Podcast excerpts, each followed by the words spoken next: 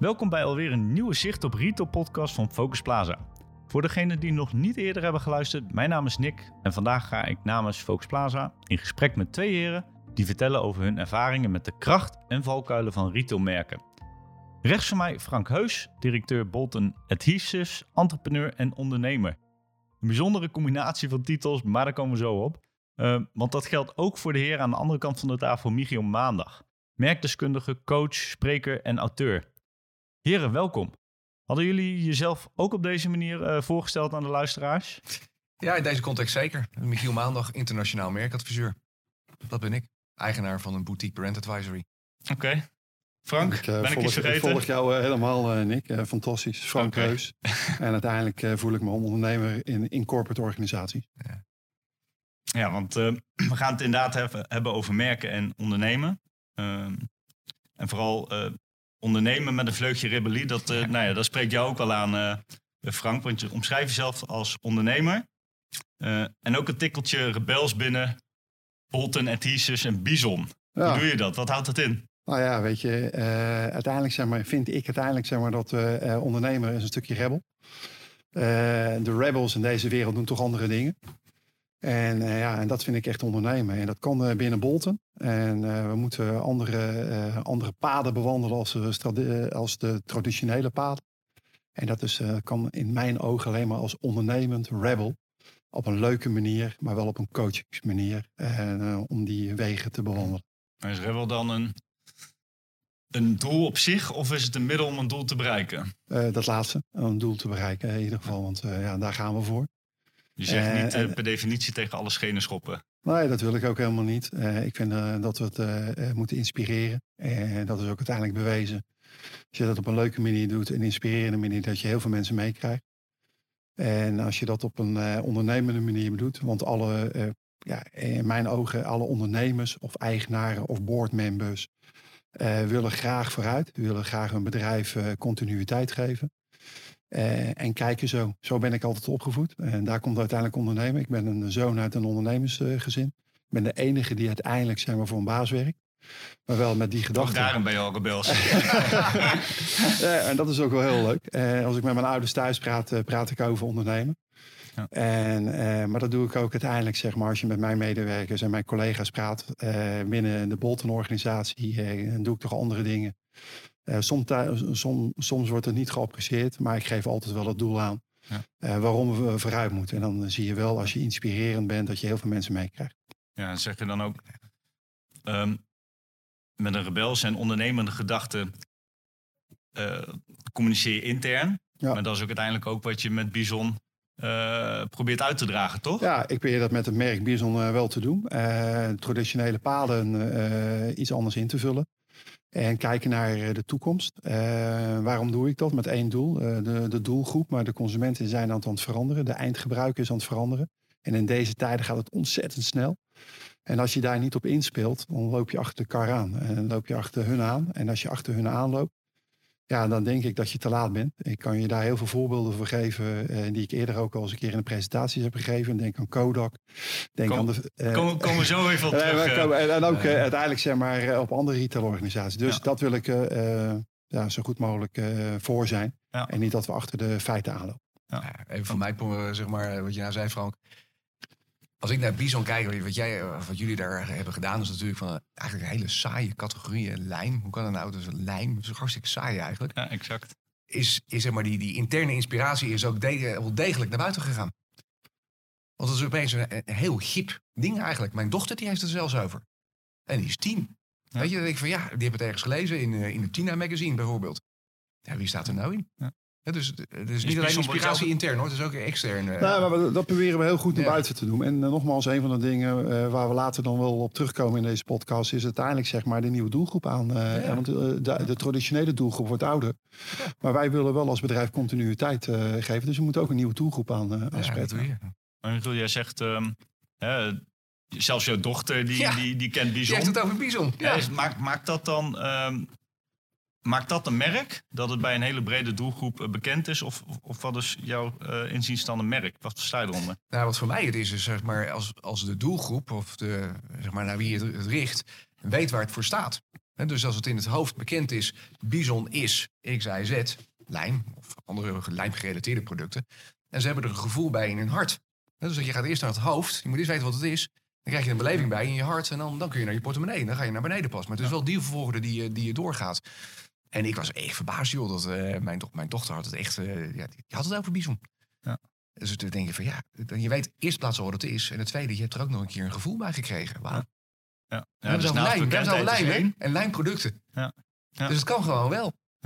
Ja, Michiel, eh, het is leuk om te horen. Dat willen we graag ook eh, eh, Ja. eh, eh, uitstralen. En dat is ook hetgene wat we gewoon eh, eh, traditionele doelgroep willen we behouden. En willen naar nieuwe doelgroepen willen we kijken. Nou, dat doen we onder andere met de Tina, eh Tina-dag. Ja. Maar we doen dat ook uiteindelijk zijn we met Gio. eh, en, eh, en een hele bekende YouTuber die Ja. een film heeft gemaakt. Maar dat doen we ook met Stuk TV. Maar dat doen we uiteindelijk zeg maar, met heel veel mooie dingen. Eh, maar wel op een hele andere manier. Dat kan op een tienerdag zijn, maar dat kan ook uiteindelijk via social media zijn. Of uiteindelijk zeg maar, op dingen die uiteindelijk de doelgroep eh, omarmt. Ja, eh, Je, je probeert heel veel, hè, Frank. Ehm, dat is volgens mij ook een beetje jouw, jouw motto, hè? trial and error. Mm. Ehm, maar niet alles lukt, toch?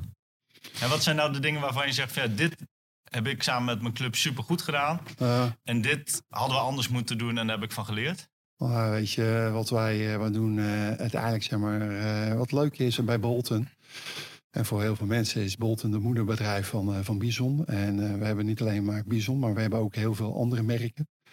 Maar we, doen, we kijken heel goed eh, naar andere merken. We kijken goed intern. En eh, wat we doen, is dat we goed kijken waar mensen succesvol in zijn. We gaan daar eerst praten, we maken daar een test. Zal dat wat zijn? We, we, we praten dat intern, we praten dat extern. We doen een, een testpanel. En we proberen wel uiteindelijk zeg maar dingen van tevoren wel dat de kans van slagen wel heel groot is. Ja. En eh, er zijn een aantal dingen die we uiteindelijk zeg maar eh, nou, niet gelukt is. Maar dat, ik zeg dan uiteindelijk, daar moeten we meer aandacht aan geven. Eh, en dan gaan we gewoon kijken. Ik kijk graag naar successen. Ik kijk graag vooruit. En er zijn een aantal dingen waar we gewoon meer aandacht aan moeten geven op een aantal vlakken. Ehm, en dat is ook uiteindelijk op social media, op e-commerce eh, vlakken, moeten we sommige dingen anders doen. En, waarvan dacht je nou echt van, Ja. oké, dit hadden we echt helemaal verkeerd ingeschat.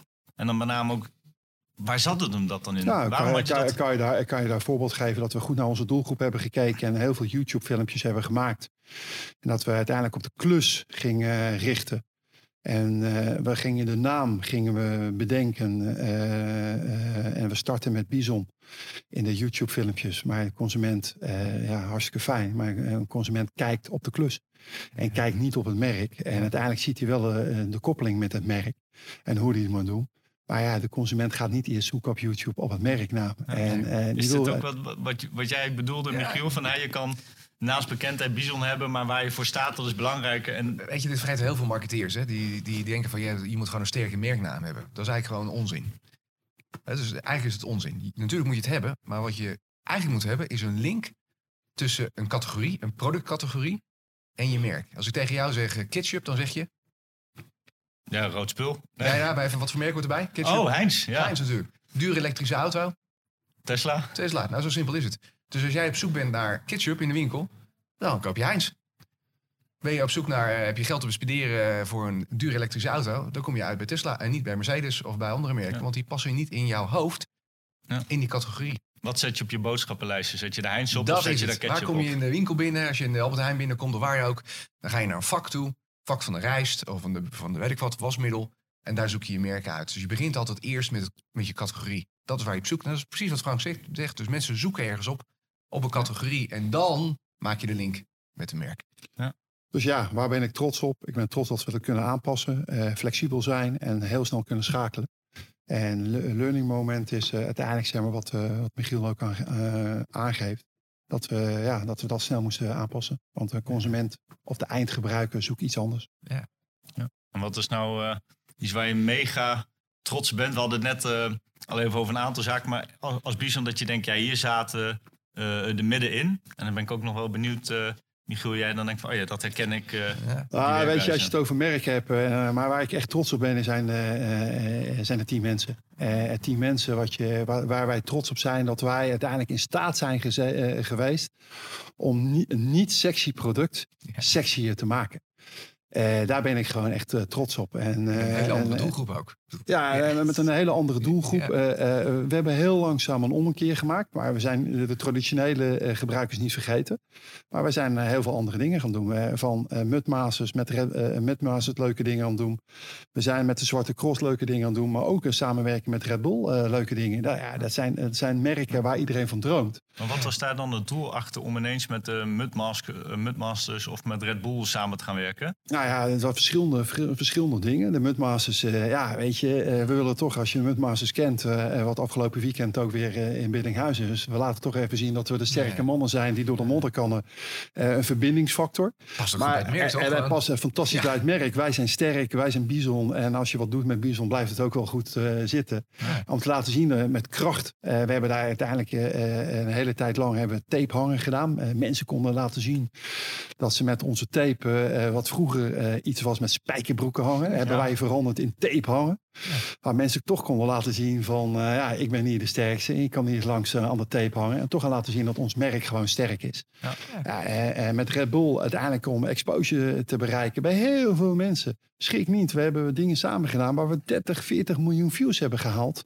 En met een samenwerking. Nou, eh, vertel maar welk merk we Ja, dat in één, in één dag kan, kan realiseren. 30 miljoen views. Maar zelfs een oud merk als Bison, die is dus nog op zoek naar eh, mogelijkheden en kansen om naamsbekendheid te vergroten, te versterken, maar ook een nieuwe doelgroep aan te boren. Wat, wat jij Eh, ook ik zei. denk wel eh, belangrijk is dat je, zeg, je bent een oud merk. Je denkt, weet je, voor heel veel mensen staat Bison, er staat nog echt wel iets in het hoofd. Hè? Dus een een krachtige lijn. ja, En op het moment dat je daar die beleving dus in het hart, hè, dus van het hoofd naar het hart, vergroot, door samenwerking aan te gaan, wat Frank net zei, ja, dan versterk je dat alleen maar. En dus het is ook makkelijker om naar de portemonnee te gaan. Hè? Dus Maar, maar eh, mooi, maar Michiel, voor, wat je zegt, mooi, voorbeeld, mooi voorbeeld is aan te geven met Mud Masters.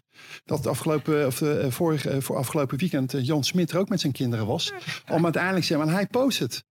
dat hij met zijn kinderen op de Mud Masters is. En zijn kinderen zien uiteindelijk op de Mud Masters alleen maar Bison. ja. ja, En overigens zien ze daar ook een fantastische mooie growe eh douchestraat in ieder geval daar. Dus het is ook de doe-het-zelf business is daar gewoon goed vertegenwoordigd. ja. Eh, maar het is alleen maar ook top of mind bij, bij de Ja. kids. En dat moet je gewoon uiteindelijk ook bij je nieuwe doelgroep. Top of mind. ja, dat is het. Ja, Michiel, we hebben ooit een gastspreker gehad en die heeft ehm, ons, of, tijdens onze focusgroep en die heeft ons verteld, samenwerken ehm, moet eigenlijk altijd beginnen met nee, tenzij. Samenwerken nee, beter alleen tenzij. Geldt dat ook voor, bedoel, samenwerking als een merk met een, met een andere partij, wat, wat bedoel je? nou ja, precies. Kan je beter bouwen aan je eigen merk door te kijken welke merken elkaar kunnen versterken of aan wie je jezelf kan verbinden om te versterken? Of zeg van, joh, bouw voornamelijk aan je merk alleen en zorg dat je niet met anderen geassocieerd wordt. Ja, ik denk dat het heel simpel is. Weet je, je eigen merk staat voor iets. Eh, dat wil je versterken. En dus in het geval van, nou, wat we het over hebben gehad, krachtige lijn, kracht. Dus wat je dan gaat doen, is je gaat natuurlijk zoeken naar iets waar, wat daar gerelateerd is. Waar mensen komen die, die dat ook in hun hoofd kunnen relateren. En dan ga je wel een samenwerking aan. Ik bedoel, je, je ondergraaft je merk er niet mee.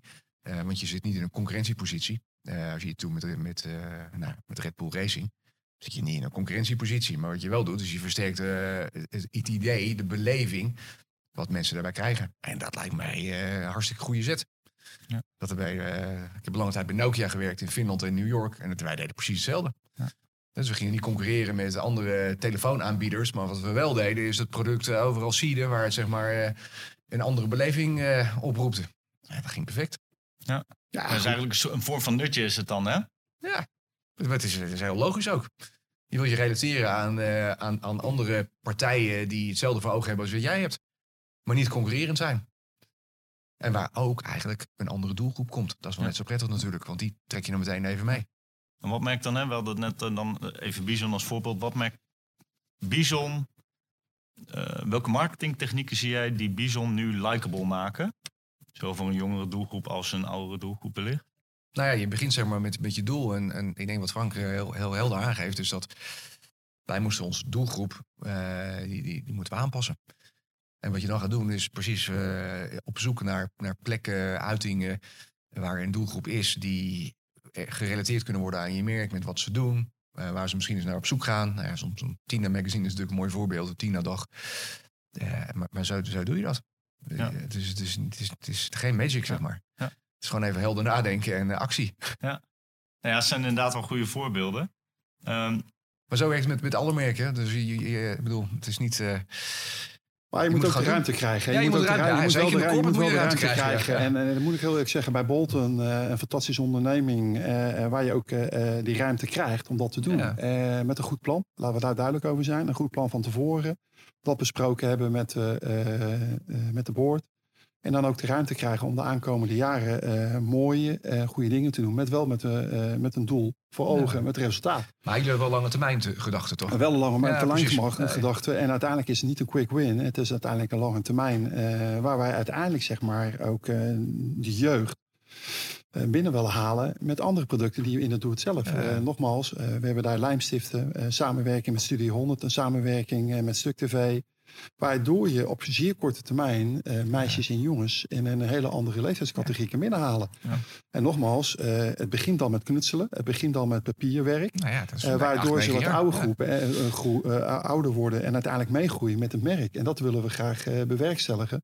Dat de, dat de kinderen uiteindelijk op een jonge leeftijd meegroeien totdat ze straks een eigen huis hebben en dan zelf aan de slag Ja. kunnen. Nou ja, dat is een van de wijze lessen die ik bij, bij Nokia heb geleerd. Hè. Dus eh, dat is natuurlijk een mooi bedrijf als voorbeeld natuurlijk, waar, waar dingen ook fout zijn gegaan. Eh, maar wat daar eh, de tweede man van Nokia altijd zei... op het moment dat een merk van de ene generatie naar de andere generatie overslaat... Hè, dus een span van 25 jaar heeft... dan heb je een sterk merk. Eh, en, en dat klopt ook wel. Nokia heeft die slag net niet even niet meegemaakt. Ehm Frank is bezig met Bison om die slag wel te maken. Ja. Eh, maar, maar dit is wel zoals het, zoals het werkt gewoon. ja, Frank, Nokia is nou een paar keer eh, natuurlijk benoemd. Frank, ik kan me jouw presentatie herinneren waar Ja. je op een gegeven moment een aantal merken liet zien. Je, je noemde net Kodak ook even, eh, Nokia ook een, eh, eentje. En die stond in jouw presentatie niet per definitie in het goede rijtje. Nee, in het, eh, eh, ze zijn niet, eh, Nokia is helemaal niet dood. Want heel veel, in Nederland is het misschien niet meer 1, 2 heel populair. En Michiel kan er alles over vertellen. Maar heel veel mensen realiseren zich niet in Azië hoeveel Nokia-telefoons daar nog steeds verkocht worden. Ja. En, en kijkende naar India, waar uiteindelijk het netwerk heel anders is. En uiteindelijk zeg maar dat je daar geen 4G of geen 5G-netwerk he- hebt. En ehm, Maar waarom daar- is Nokia dat hier dan, dan, dan niet meer... eh, Ja, het is, het natuurlijk, eh, weet je, op, eh, ik ga er toch altijd vanuit dat elke markt uiteindelijk gewoon een, een, een, een tweestrijd wordt. Hè. Dus je hebt Pepsi en je hebt Coca-Cola. En je hebt Samsung en je hebt Apple. En dan is het heel lastig om daar als derde partij weer opnieuw in te komen. Maar wel eventjes, Nokia-telefoons, hè, dus de nieuwe smartphones, die worden ook nog steeds hier wel verkocht. Eh, een tijdje lang was het in Engeland een van de topselling eh, devices. Kan zijn dat ze daar een goede deal hadden afgesloten, weet ik niet. Maar eh, dat ge- gebeurt nog steeds. Maar dat was een, eh Maar je moet je even een voorstellen... hè. gigantenwedstrijd is dat geweest. Ja, dat klopt. Maar je moet je even voorstellen. Ik, ik ben daar gaan werken eh, eind 1999 in Finland op het hoofdkantoor. En in 2000 kwam de eerste Interbrand Top 100. Het meest toonaangevende merk van de wereld kwam uit. En Nokia schoot er binnen op positie 5.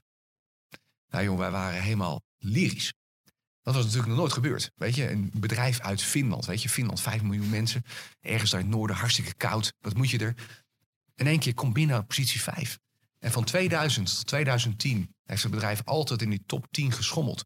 Net onder Coca-Cola, net onder IBM, net onder McDonald's. Weet je, altijd daar zo. Ja. Ja, joh, het is al. eh, En waarom dan? Hoe, hoe kwam dat? Nou ja, goed. De, eh, de, de lessen van Nokia, zeg maar, als we kijken naar hoe het merk in de markt is gezet, is eigenlijk weer gewoon teruggaan naar dezelfde basisprincipes. Mobiele telefoon kwam. Niemand wist eigenlijk precies wat het was. Dus wat waren de, de reclames die werden gebruikt? Bijvoorbeeld, eh, eh, ik kan me nog herinneren, een, reclame met een auto met een nummerbord. Dat had alle zeg maar, eh, landencodes erop. Weet je wel, NL, D, F, weet je wel, de hele rattenplan. En dan stond erboven, weet je wel, nu heb je eindelijk de vrijheid om iedereen te bellen waar, je, waar, waar dan ook. Ja. Weet je wel, gewoon puur om, om mensen te leren wat je eigenlijk met een mobiele telefoon kon doen. Daar waren ze heel goed in. Ja. Consistent, mega consistent. Weet je, de ringingtoon, altijd dezelfde reclames, dezelfde kleuren, al dat soort dingen. En op een gegeven moment begon dat merk te groeien. Er kwamen nieuwe marketingdirecteuren binnen en dan gaan dingen wijzigen. Dat is altijd eh, jammer. En dan is de consequentie gaat eruit. En natuurlijk de opkomst uiteindelijk in 2007 van, van smartphones. Waar het sterke merk Nokia eigenlijk niets te vertellen had. Omdat in het hoofd van consumenten paste dat gewoon helemaal niet. Ja. Dat is echt heel bizar. Dat voor mij was dat echt de meest bizarre les. We gingen, ik kijk naar, naar statistieken van India, China, noem het maar op, alle emerging markets in de lijstjes. Telefoons met toetsen, hè, dus domme telefoons. En telefoons zonder toetsen, de smartphones. En het lijstje met de toetsen van 1 tot 20, allemaal Nokia. En het lijstje de smartphones, daar stonden er maar een paar in. Ja. Ja. Dus voor, voor, voor consumenten was de link zo sterk met die domme telefoons... dat toen Apple binnenkwam met een product wat zo revolutionair was... wij konden er gewoon niet mee. Ja, peloton werd tegen gehaald. Het is gewoon links, Ja. rechts, voor, over, boven, onder, overal. Ja, BlackBerry is wel een mooi voorbeeld. Ja, BlackBerry inderdaad ook super bekend. Ja. Eh, en uiteindelijk nu ook naar de achtergrond gaan. Is dat dan ook wat je al eerder vertelde? Zo'n eh, marketingdirecteur, een nieuwe marketingdirecteur die komt... en dat daardoor uiteindelijk je boodschap afdwaalt? Of was hier iets, iets anders? Ik denk dat hier iets anders was. Op het moment dat BlackBerry groeide, was het natuurlijk een heel relevant iets. Weet je, je wilde een toestel in je hoofd weer eh, met toetsen. Met een QWERTY toetsenbord. Dat wilde ik. Dus ik ging naar de winkel toe. Ik zocht een telefoon met een QWERTY toetsenbord. En waar kwam ik op uit? BlackBerry. Er was niks anders. Ja. BlackBerry was de nummer één in het QWERTY toetsenbord eh, verhaal. Ja. toen kwam Apple. Maar die had gewoon een QWERTY toetsenbord erin zitten. Mail allemaal in. positionering rondom Zelfde positionering, vervangend. Ja. En dus eigenlijk de categorie van aparte toestellen met een QWERTY, eh, die, die vervaagde. En daarmee ging het merk BlackBerry ook op de schop. Ja, daarbij wil ik wel aanvullen dat uiteindelijk Bla- BlackBerry uiteindelijk zeg maar, op de, voor de zakelijke markt heel interessant was. Want uiteindelijk eh, richtte ze zich op de zakelijke markt. Ja. In die tussentijd eh, hadden zij een fantastische eh, eh, messages of gingen uiteindelijk pingen. Ja. Als je, en al in diezelfde tijd kwam uiteindelijk ook WhatsApp in de wereld. En eh, ja, en Dat toen, was het. eh, eh, maar ook eh, BlackBerry deed zich richten op de zakelijke markt. En uiteindelijk zeg maar niet kijkende eh, wat de markt, welke markt heel groot was. Ja, nou ja, en dat, precies, en dat was uiteindelijk zeg maar waar wij het hier ook over hebben. Kijk gewoon naar je eindgebruikers. Ja. Kijk naar eh, eh, wat willen zij en hoe willen zij. En op een gegeven moment dachten ze van ja, dat pingen is hartstikke leuk, maar dat WhatsApp is nog veel veel beter. leuker, dat is nog veel leuker. Ja, dat, is, dat is gewoon zo. Nou, dus even merken als kunnen ook weggaan. Nog even als voorbeeldje dan, eh, dan Kodak Frank, want je hebt hem twee keer aangehaald. Dus ik wil je, ik wil je de eh, kans wel geven. nee, En nee, daarna nee, wil ik even op doe het je- zelf merk. Je eh, weet wel over. dat Kodak wel de uitvinder is van digitale camera, hè? dat weet je. Nou ja, dus Ja, eh, nou ja, uiteindelijk zeg zeg maar. maar, eh, ik heb eerder gezegd van ja, Kodak, weet je, als zij, eh, weet je, iedereen kent het fo- fotorolletje. Maar ja, eh, de nieuwe generatie, ik denk als je het fotorolletje naar mensen, eh, aan kinderen laat zien tussen de 0 en, eh, en 10 jaar, dat niemand weet hoe een fotorolletje eruit ziet. Eh, ja, en ik vind eh, dat daarin gewoon eh, veel te laat geschakeld is. Als zij iets wel hadden gedaan met digitale camera's, met bij wijze van spreken Facebook of Instagram of god maar weten wat. Waren zij op dit moment eh, nog steeds heel populair. Ze zijn heel populair op andere vlakken nog, eh, wat ik begreep op Kodak, maar niet meer in de, in de, in de camera-systemen. maar als zij Instagram of Facebook iets hadden uitgevonden op een camerasysteem, Ja. dat je dat gelijk kon uploaden of eh, eh, downloaden, waren zij gewoon op dit moment nog steeds ontzettend hot. Maar ik denk dat het ook zeg maar, wel een goed voorbeeld is waarom je een rebel nodig hebt in een organisatie. En met name in een grote organisatie. Want het is echt waar, Kodak was de uitvinder van de digitale camera. In, in weet ik wat, 76 of zo, zoiets. Eh, dus dan moet je je voorstellen, ze hebben, dat, ze hebben dat uitgevonden, maar ze doen er geen s'nachts mee. En hoe kan dat nou? Omdat zo'n organisatie ook heel star is van binnen. Dus eh, iedereen die daar wat mee wilde doen, die werd waarschijnlijk aan de kant gezet. Van ja joh, weet je, we zitten in de film en dat is ons dingetje. En niet kijken naar doelgroepen. Precies de dingen wat, waar Frank het over had. Hoeveel, En dan we gaan geen fotorolletjes meer verkopen als een digitale Ja, dus dat willen we helemaal niet, joh. Nee. Mijn Ja. bonus is ervan afhankelijk. Ja. Wat denk eens na, weet je? Dat gebeurt gewoon niet. Nou, en ik denk die vertaalslag. Dat, dat zie je natuurlijk overal. Dus als je niet mensen hebt die eh, rebellerend in een organisatie aan de gang kunnen. om daar een onder- op een ondernemende manier actief te zijn. Ja, Maar dat is, wel een mooi, dat is wel een mooi voorbeeld om aan te geven, Michiel. Is dat uiteindelijk bij ons gewoon verplicht wordt vanuit de board om buiten te kijken. Ja. Eh, salesmensen, marketingmensen, corporate mensen. Maar hoeveel mensen in elke organisatie, elke organisatie, eh, en zeker bij corporate organisaties, die achter hun bureau beslissingen nemen. Weet je, eh, en ik heb een mooie presentatie bij de Summer School eh, onder andere gegeven, waar mensen nog steeds, ook de boardmembers, uiteindelijk achter hun bureau zitten en daar een beslissing nemen. En die mensen maken een beslissing over de volgende generatie. En dat zijn onze kinderen, even zo gezegd. In ieder geval van mijn, eh, van mijn dochter, die nemen dan een beslissing. En dat kan misschien heel erg verkeerd zijn. Ja. En dan kan in één keer je merk van hot in één keer niks zijn. En dan ligt het in de prullenbak. ja. elk jaar tien jaar. Ja. weg. En als we nou dan de, de, de glazen bol even pakken voor, voor Doe Het Zelf. Mhm. Ehm, welke merken gaan volgens jullie dan uit het straatbeeld verdwijnen? Ja, eh, weet je, dat weet ik niet. Eh, eh, dat is heel moeilijk. Eh, dat bepalen wij niet. Eh, wat wij eh, kunnen doen, de eindgebruiker bepaalt dat. De eindgebruiker gaat bepalen of het vandaag hot is en morgen eh, niet Maar we hot hebben meer. wel geconstateerd als je niet snel genoeg schakelt Ja. met Nou ja, je merk. Nou, Dat Hè, dan-. Maar, maar ook natuurlijk als, als je, eigenlijk je, je, wat je op je boodschappenlijstje staat, als het er niet meer op voorkomt, omdat het niet meer hot is bijvoorbeeld, ja, dan ben je ook zo weg. Als mensen in één keer geen, eh, geen ketchup meer eten, ja, dan is Heinz natuurlijk ook zo voetsie. En zo geldt het ook met, met alles in de, in de doe-het-jezelf zo. Het is wel zaak, als je niet wil dat je, dat je vervaagd wordt, zeg maar, dat je, dat je wel op die boodschappenlijst blijft staan. Je en moet even lijm kopen, je moet even dit kopen, je moet een boormachine hebben, je moet een dit, een zus en zo. Nou, wat, we, wat, we, wat heel veel merken moeten gaan doen, is zorgen dat ze weten eh, wat, die doelgroep, eh, wat in Ja. die doelgroep beweegt. En wat, dat kan ik alleen zeggen vanuit de Bolte met het merk Bison, zullen wij alles, alles doen om te zorgen dat we in die doelgroep bewegen en, en nieuwe, vernieuwende dingen brengen. Waar, eh, ja, dan zeg ik maar even de wow-factor eh, gaan, gaan krijgen bij de mensen die het gebruiken. Ja. En mensen die uiteindelijk teleurgesteld zijn door welke perceptie dan ook, zullen we proberen te helpen, eh, om beter te informeren. Maar uiteindelijk ook van hun te horen krijgen dat we misschien een product moeten aanpassen op de nieuwe generatie of een andere toepassing, et cetera, et cetera. Dus continu vernieuwen en continu flexibel te zijn. En nogmaals, welke merken er eh, eh, straks niet meer zijn. Wie gaan Ja. ons verrassen dan? Welke retailmerk of welke productmerken gaan ons verrassen? Hè, die, omdat ze nu al bezig zijn met de volgende generaties. Of omdat ze inderdaad nieuwe productontwikkeling hebben. Of nadenken over boodschappenlijstje van... eh, Nee, ik denk dat, dat zijn de merken. Wie, wie daarmee bezig zijn, dat is natuurlijk nu lastig, lastig te zien. Maar ik denk wel eventjes dat eh, de, de, de doe-het-jezelf merken die ons daarbij gaan verrassen, die hebben een plan. Weet je, die gaan niet lopen zwabberen. Eh omdat je loopt zwabberen in, eh, nou ja, we doen een beetje dit en een beetje zo. En de ene keer doen we de reclamecampagne X en de volgende keer draaien we hem iets bij. En dan doen we een beetje zo. Of we doen de messaging zus of zo. Dat zijn de merken die denk ik moeten oppassen. En dus hoe meer je aan het zwabberen bent, hoe minder eh, beleving je hebt en uiteindelijk hoe sneller je weg bent. Maar de merken die juist een plan hebben en daar heel strak op uitvoeren, wel bijblijven met nieuwe doelgroep, nieuwe innovaties die in een categorie gebeuren. Dat zijn de merken, en wie dat ook zijn, die meer schapruimte gaan krijgen. Of in ieder geval meer ruimte in het hoofd krijgen.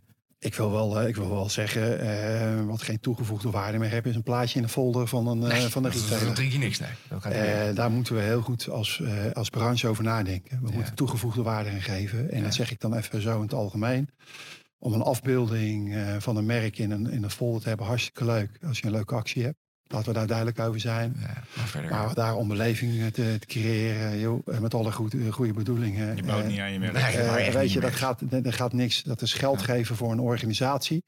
Om uiteindelijk de PNL een beetje op te poetsen. Ja. Maar uiteindelijk kan ik het ook in de Veronica Gids of in, de, eh, in, andere, in, de, in, eh, in, wat andere eh, bladen neerzetten. Maar dat willen we niet. Dat willen we niet meer. Wij willen naar andere dingen om te zorgen dat we onze doelgroep kunnen bereiken. Een leuke actie in de folder, ja. Maar als we het merk moeten laden op handen, kunnen we heel veel mooie andere Ja. dingen, van events tot aan eh, social media, kunnen we gewoon laden. Ja. En daar moeten heel veel retailers, maar ook uiteindelijk heel veel andere bedrijven echt goed naar over nadenken. eh, om uiteindelijk het maximale eruit te halen. Ja, hoe krijgen ze een warm gevoel bij de doelgroep? Dat is een mooie. Ja, precies, precies. Dus jullie oproep, probeer een warm gevoel te creëren. eh, en events en social media maximaal te laden. Want echte merkbeleving zit in het hart en niet per se in het hoofd. Heren, dank voor eh, de openheid en het delen van jullie ervaringen en gedachten. En natuurlijk ook aan onze luisteraars dank voor het intunen. En heel graag tot de volgende Zicht op Retail podcast of wellicht live tijdens een van de Focus Plaza bijeenkomsten of events. Tot dan!